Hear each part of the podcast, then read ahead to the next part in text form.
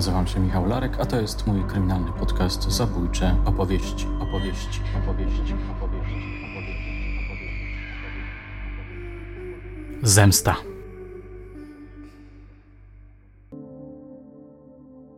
Kiedy wsłuchuję się w opowieści starych szkiełów, edytuję je na potrzeby podcastu, czasami moja wyobraźnia zrywa się z łańcucha i piszę własną opowieść. Owszem, paliwem są prawdziwe historie, ale treścią soczysta, czy raczej krwawa fikcja. Tak właśnie było w tym wypadku. Punkt wyjścia to wspominana już przeze mnie parę razy sprawa Kazimierza Polusa, który rozkawałkował ciało jednej ze swych ofiar. Pamiętacie zapewne, prawda? W mojej pamięci mocno utkwiła scena z oględzin miejsca w jego mieszkaniu położonym na ulicy Trauguta, którą tak oto zapisał Kazimierz Brzezicki, poznański dziennikarz. Wtedy zjawił się B. Młodziejowski z unikatowym sprzętem, między innymi lampą wykorzystującą właściwości fluorominiscencji. W całym mieszkaniu rozplono ciecz, która po zetknięciu się z krwią w promieniach lampy świeciła się na niebiesko. Pamiętam, że po zapaleniu lampy jeden z oficerów krzyknął: O Jezu, jak tu jest niebiesko! Moja wyobraźnia powiedziała do mnie: Zacznijmy zatem od rzeźni. Utnijmy głowę zwyrodnialca i opowiedzmy historię odwleczonej zemsty. Posłuchałem jej. Moje drogie, moi drodzy, oto fragment opowiadania Zemsta z mojej najnowszej książki Zemsta i inne mroczne historie. Posłuchajcie.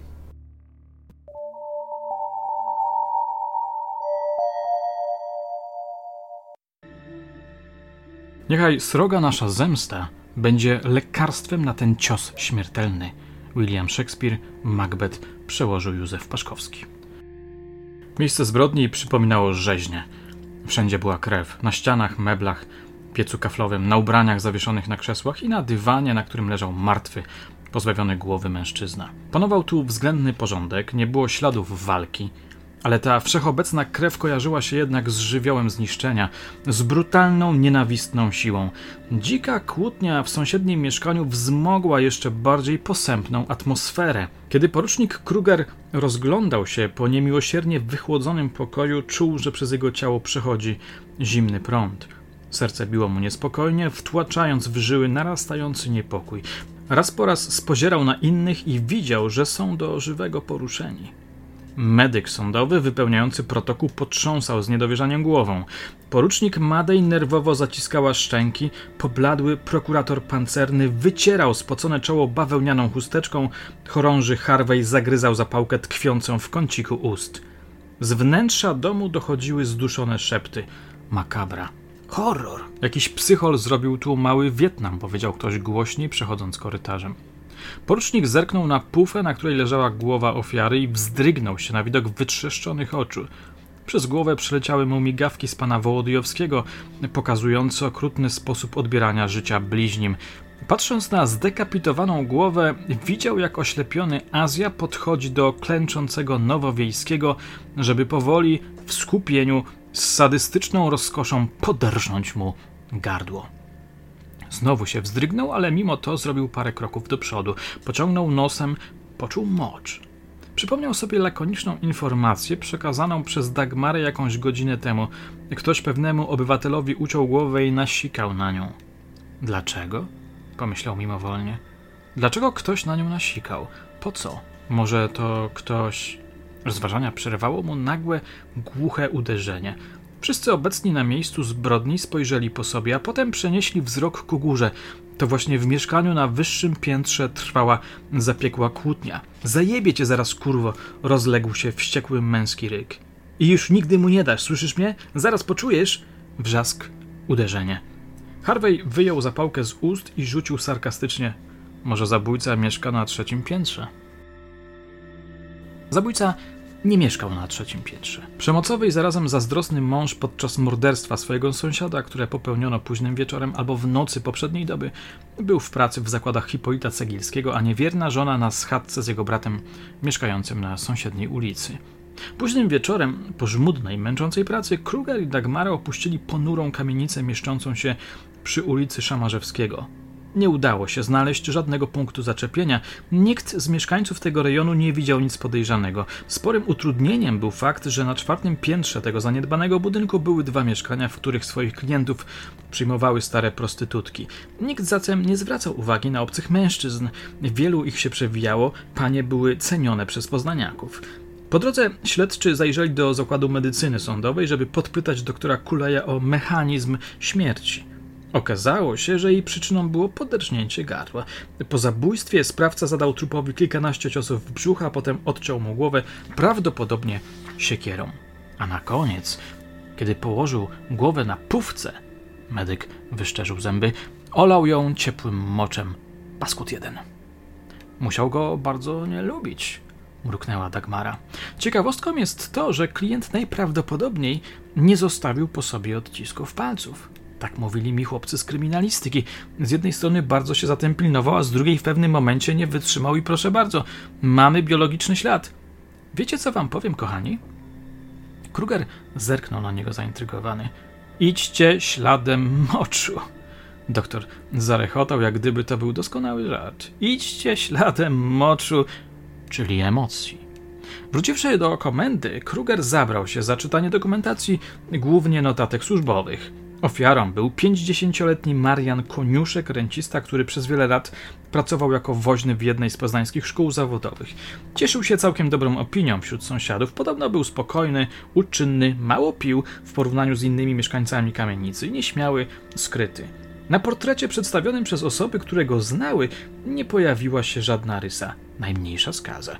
Zwyczajny, szary, spokojny facecie, który nikomu nie wadził. Rzekł Kruger do Dagmary, która przed północą wpadła do jego pokoju, żeby się pożegnać przed pójściem do domu. Skoro taki szary ten nasz żuczek, to dlaczego ktoś go zaszlachtował? Prychnęła zapalając papierosa. Kruger również sięgnął po papierosa. Albo to dzieło wariata, albo Dagmara zaciągnęła się, albo to zemsta za grzechy, o których nic nie wiemy. Musimy pogrzebać w jego życiorysie, skwitował Kruger. Kolejnego dnia śledczy zbierali informacje na temat życia osobistego koniuszka. Jego rodzice nie żyli od 20 lat. W połowie lat 70. ożenił się, ale po trzech latach rozwiódł. Była żona, wyjechała do Bułgarii, gdzie wyszła ponownie za mąż, a potem zmarła na raka. Nie miał rodzeństwa, utrzymywał sporadyczny kontakt z dalszą rodziną. Podobno raz w tygodniu po mszy świętej chadzał do pewnej starej i pulchnej prostytutki mieszkającej na Wawrzyniaka, żeby, jak to ujął jego sąsiad, sprzęt nie zardzewiał i serducho mocniej zabiło dla zdrowotności. Jednym słowem, nic interesującego nie udało się ustalić. Dopiero późnym wieczorem Dagmara i Kruger usłyszeli coś, co uznali za trop warty sprawdzenia. Będąc u dyżurnego, natknęli się na kolegę z kadr, który zagadnął ich o koniuszka.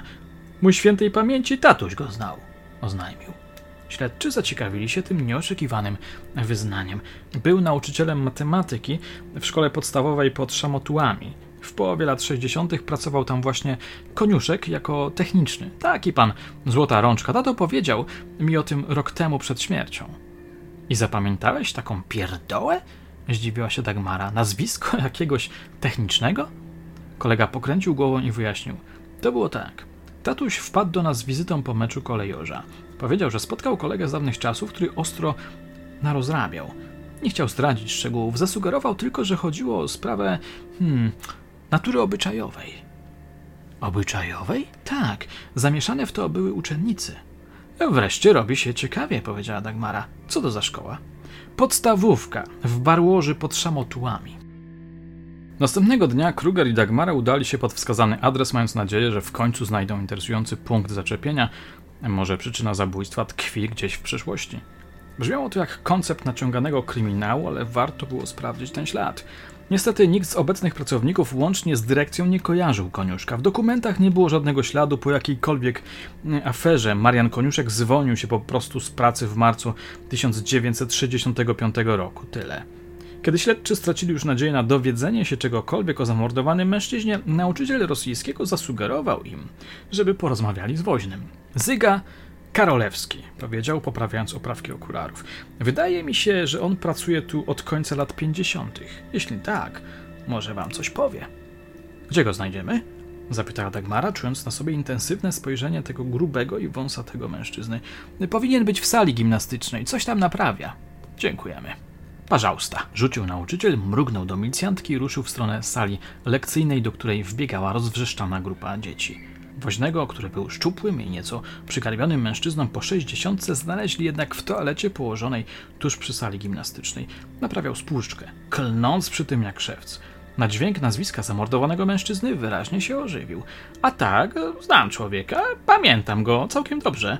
Słyszałem, że ktoś go sprzątnął z tego świata. Kruger zdziwił się, że informacja o tym zdążyła już tutaj dotrzeć. Zabójcze wieści są szybsze niż światło, pomyślał. Woźny poprawił papierosa, który tkwił za jego prawym uchem. Smoknął głośno, podrapał się po głowie i spojrzał na śled. Co wam powiem, to wam powiem, ale wcale mi go nie żal. Dlaczego? zapytała Dagmara. Szczerze mam mówić? Oczywiście. Kruger zmarszczył brwi. Lubił takich świadków. Sami z siebie chętnie mówią i zawsze z ich wypowiedzi można wyłowić coś interesującego. Niby o zmarłych źle się nie mówi, ale to był. Urwał, zobaczywszy, że do łazienki wszedł chłopiec, który powtarzał głośno wierszyk: Kiedy przyjdą podpalić dom, ten, w którym mieszkasz, Polskę, kiedy. Chodźmy do mojej kanciapy, zaproponował Karolewski. Nie będziemy o świństwach rozmawiać przy szczonach. Posłusznie ruszyli za nim. Kanciapa była małym, zagraconym pomieszczeniem ulokowanym obok szatni. Nie dokończył pan zdania, przypomniała Dagmara. Karolewski zapalił papierosa. Wypuściwszy dym, zbliżył się do nich i powiedział: Między Bogiem a prawdą. To był zboczeniec. Co pan ma na myśli? dopytał Kruger. Podglądał przez okno dziewczynki, kiedy przebierały się w szatni przed WF-em. Skąd pan o tym wie? Parę razy przyłapałem łobuza i nawet go pogoniłem. Powiedział pan komuś o tym? Karolewski machnął ręką. Nie. Kto tam woźnemu uwierzy, a poza tym jego ojciec był ważnym partyjnym działaczem, więc dyrektor i tak by nic mu wtedy nie zrobił. Wiecie jak to jest, co nie? Ale któregoś razu przesadził. No i dyrektor musiał go dyskretnie poprosić o odejście z pracy. Co zrobił? Mężczyzna chrząknął teatralnie. Przyłapał kiedyś dwie dziewczynki z siódmej klasy na paleniu papierosów. Próbował je zaszantażować. Albo powiem dyrektorowi, albo zapozujecie mi na golasa do zdjęć. Dziewczynki pochodziły z pijackich rodzin, były rozrabiary, biegały za chłopaczyskami, więc myślał, że się zgodzą, ale one się nie zgodziły. I powiedziały o wszystkim wychowawczyni, a ta się wkurzyła i poleciała do dyrektora. Doigrał się, świntuch. Dyrektor złożył mu propozycję nie do odrzucenia, ale taki zawsze wyląduje na czterech łapach. Mężczyzna pokiwał głową. Ojczulek załatwił mu robotę w Poznaniu, też w szkole podstawowej. Nawet nie chce myśleć o tym, co on tam mógł nawywijać. Ale skoro ktoś go zamordował, to może i nawywijał, że ho ho. Kruger wyciągnął notes z wewnętrznej kieszeni marynarki. Kiedy doszło do tego incydentu z uczennicami? Panie, ja to nie mam głowy do dat, to już ze 20 lat minęło. Ale to było jeszcze za czasów siedmioletniej szkoły podstawowej, zaraz, zaraz, 1965 rok, tak. To był ten sam rok, w którym Stawczakowie wyprowadzili się z Barłoży, w marcu. Tak, w marcu. Wtedy w gazetach pisali o procesie Rubiego. Tam była afera z podsłuchiwaniem sędziego. Lubiłem wtedy śledzić takie kryminałki. Tam chodziło o jakieś... Porucznik dał mu znak ręką, żeby wrócił do właściwej opowieści. A propos koniuszka. Pamiętam szkolną wigilię w 1964 roku. Nauczyciele troszkę popili gorzałki. Koniuszek miał aparat, pstrykał zdjęcia, no i taka heca wynikła, że sfotografował matematyka, jak się dobierał do babki od rosyjskiego w daimskiej toalecie. Przez jakiś czas zdjęcie krążyło po szkole wśród nauczycieli. Woźny zachichotał. Jeden cycek był goły. Wszystko jednak dobrze się skończyło, oboje się rozwiedli, a potem ożenili. Coś pan jeszcze wie o koniuszku? Nie. Pojedźcie do ówczesnego dyrektora, on jeszcze żyje. Witold Szlachetka się nazywa i mieszka w Szamotułach. Weźcie koniaczek, ale taki z peweksu. To się rozgada. Może wam coś powie o napadzie? Napadzie? Powtórzyła zaskoczona Dagmara. Rzadko się zdarza taki gadatliwy i zarazem konkretny świadek. Przyglądała mu się uważnie, chcąc zadecydować, czy można mu wierzyć. Karolewski uśmiechnął się promiennie, jakby czytał w jej myślach. A tak, Na początku lat 60. w okolicy doszło do napadu na konwój pieniędzy. Auto wiozło do fabryki porcelany forsę na wypłaty dla pracowników. Była szarpanina. Zginęła kasjerka. Sprawę umorzono, ale ludziska w okolicznych wsiach mówili, że jeden ze sprawców utykał podobnie jak WF-ista, który tu pracował. Jak mu było? Woźny przymknął oczy, przeszukując pamięć. Kaniowski chyba. Albo Baniowski? Może pan rozwinąć temat? Zagadnął Kruger i pospiesznie zanotował kilka zdań w notesie. No właśnie nie bardzo. Mężczyzna pokręcił głową. Siedziałem wtedy w ciupie za niepłacenie alimentów. A gdy wyszedłem, to nie miałem głowy do tego, nie podpytywałem, ale przyznaję, że tego Kaniowskiego czy Baniowskiego omijałem z daleka. Źle mu z gęby patrzyło. Wzruszył ramionami. Wrzucił papierosa do słoika po musztardzie i zapalił kolejnego. Jak mówię, jedźcie do dyrektora szlachetki, on na pewno powie wam więcej. Był chyba spokrewniony z tą kasjerką, co to zginęła w czasie napadu. Przekroczywszy próg stołówki, dostrzegli Harveya, który machnął do nich ręką. Z zadowoloną miną konsumował obiad, zagadując sekretarki siedzące przy sąsiednim stoliku. Mam niezłą ciekawostkę. Poinformował ich, gdy przysiedli się do niego. Zdziwicie się. Wytarł usta, odsunął talerz i zerknął na ich tacki, na których dostrzegł jedynie pierwsze danie. Wy dzisiaj tylko zupkę? Zapytał zdziwiony. Kotlety się skończyły, burknęła Dagmara. Został tylko krupnik. Nienawidzę krupniku. Ja też, trącił Kruger. A ja się załapałem na pyszną pomidorówkę, oznajmił chorąży i prowokacyjnie poklepał się po brzuchu. Zamknij się. Kruger i Madej zerknęli na swoje jedzenie, krzywiąc się przy tym teatralnie. W końcu zjedli parę łyżek, a potem ze wstrętem odsunęli talerze. Tego się nie da jeść, warknęła Dagmara. A jestem taka głodna. To chodźcie do mnie na papieroska, zaproponował Harvey. Podejrzewam, że nikotyna jest smaczniejsza niż ta breja. Dobry pomysł. Kilka minut później siedzieli w pokoju, który Harvey dzielił z przebywającym w szpitalu kolegą i zaciągali się intensywnie papierosami. Zaraz się pożygam, jęknęła Dagmara. Muszę zjeść coś konkretnego i strawnego. Proponuję więc spacerek do Merkurego, rzucił chorąży. Był tutaj misio jakąś godzinkę temu i dał cynk, że dają tam dzisiaj pyszne golonki. Jestem za. Ale najpierw powiedz o tej ciekawostce, odezwał się Kruger, gasząc papierosa w drewnianej popielniczce. Harvey podszedł do biurka i wydobył z niego kopertę. Usiadł na fotelu i położył na ławie zdjęcie. Przedstawiało ono dwóch uśmiechniętych mężczyzn z kieliszkami w dłoniach. Jednym z nich był zamordowany Marian Koniuszek, drugiego nie kojarzyli. Jest to albo ciekawostka, powiedział chorąży, albo hmm, albo przełom w śledztwie. Kruger i Dagmara spojrzeli na niego lekko zdezorientowani. Dlaczego niby przełom? zapytał ten pierwszy. Byłem dzisiaj w mieszkaniu koniuszka Chciałem się raz jeszcze rozejrzeć na spokojnie. Towarzyszył mi kolega z wojewódzkiej, Rambert. Na szczęście. Mieliśmy potem pojechać razem do jego zaprzyjaźnionego mechanika. W pewnym momencie Rambert, zapalony kibic, stanął przed półką, na której stały książki o piłce nożnej.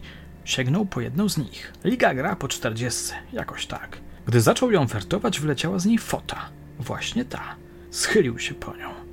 Gdy ją podniósł, otworzył szeroko oczy. Znam tego klienta. Wystrzelił. Harvey spojrzał na Krugera i Dagmarę. Pokręcił z niedowierzaniem głową. Zawsze mnie zdumiewa, jak ważną rolę odgrywa przypadek w naszych śledztwach. Westchnął. Harry, nie pierdol, zirytowała się Dagmara. Gadaj. Ten drugi gość to niejaki Brunon Szumilas, nauczyciel polskiego, ostatnio na ręcie. I teraz posłuchajcie dalej. Przez ostatnie 10 lat mieszkał w okolicach Konina na jakiejś wsi. Pół roku temu, to jest 15 maja, znaleziono go martwego w domu, z nożem w brzuchu, ze zmasakrowaną głową. Uciętą? Nie. Zapadła cisza. Ciekawy zbieg okoliczności, powiedział Kruger, drapiąc się po wąsach. Może rzeczywiście to jeszcze nie wszystko. A co masz jeszcze? Rambert powiedział mi, że ten Szumilas pracował w latach 60. w szkole podstawowej w. w Barłoży. Żartujesz. Tym razem nie, kochanie. Ustalono sprawcę? zapytał Kruger. Nie. Sprawa utknęła w martwym punkcie. Żadnych podejrzanych? Żadnych. Nawet operacyjnie niczego sensownego nie ustalono. I co wy na to? Bez wiotki nie raz bieriosz, wtrąciła się Dagmara, ale psinos podpowiada mi, że powinniśmy przemyśleć poważnie wersję, że koniuszkę i Szumilasa zabił ten sam sprawca. Albo sprawcy. Spojrzała na Krugera, którego twarz zdradzała, że zastanawia się nad czymś intensywnie. Kruger podrapał się po policzku. Masz sporo racji. Obydwa zabójstwa sprawiają wrażenie czynu dokonanego z rozmysłem i w gniewie, wielkim gniewie. Zemsta, powiedziała dobitnie porucznik Madej. To jest zemsta. Harvey zapalił kolejnego papierosa. Tak, ta zmasakrowana głowa jest jednoznacznym komunikatem. Tym bardziej, że niczego nie ukradziono z mieszkania, tak twierdzi siostra zabitego, która często u niego pomieszkiwała. Rzucił i zaciągnął się mocno. Po paru minutach pokój chorążego zasnął się kłębami dymu.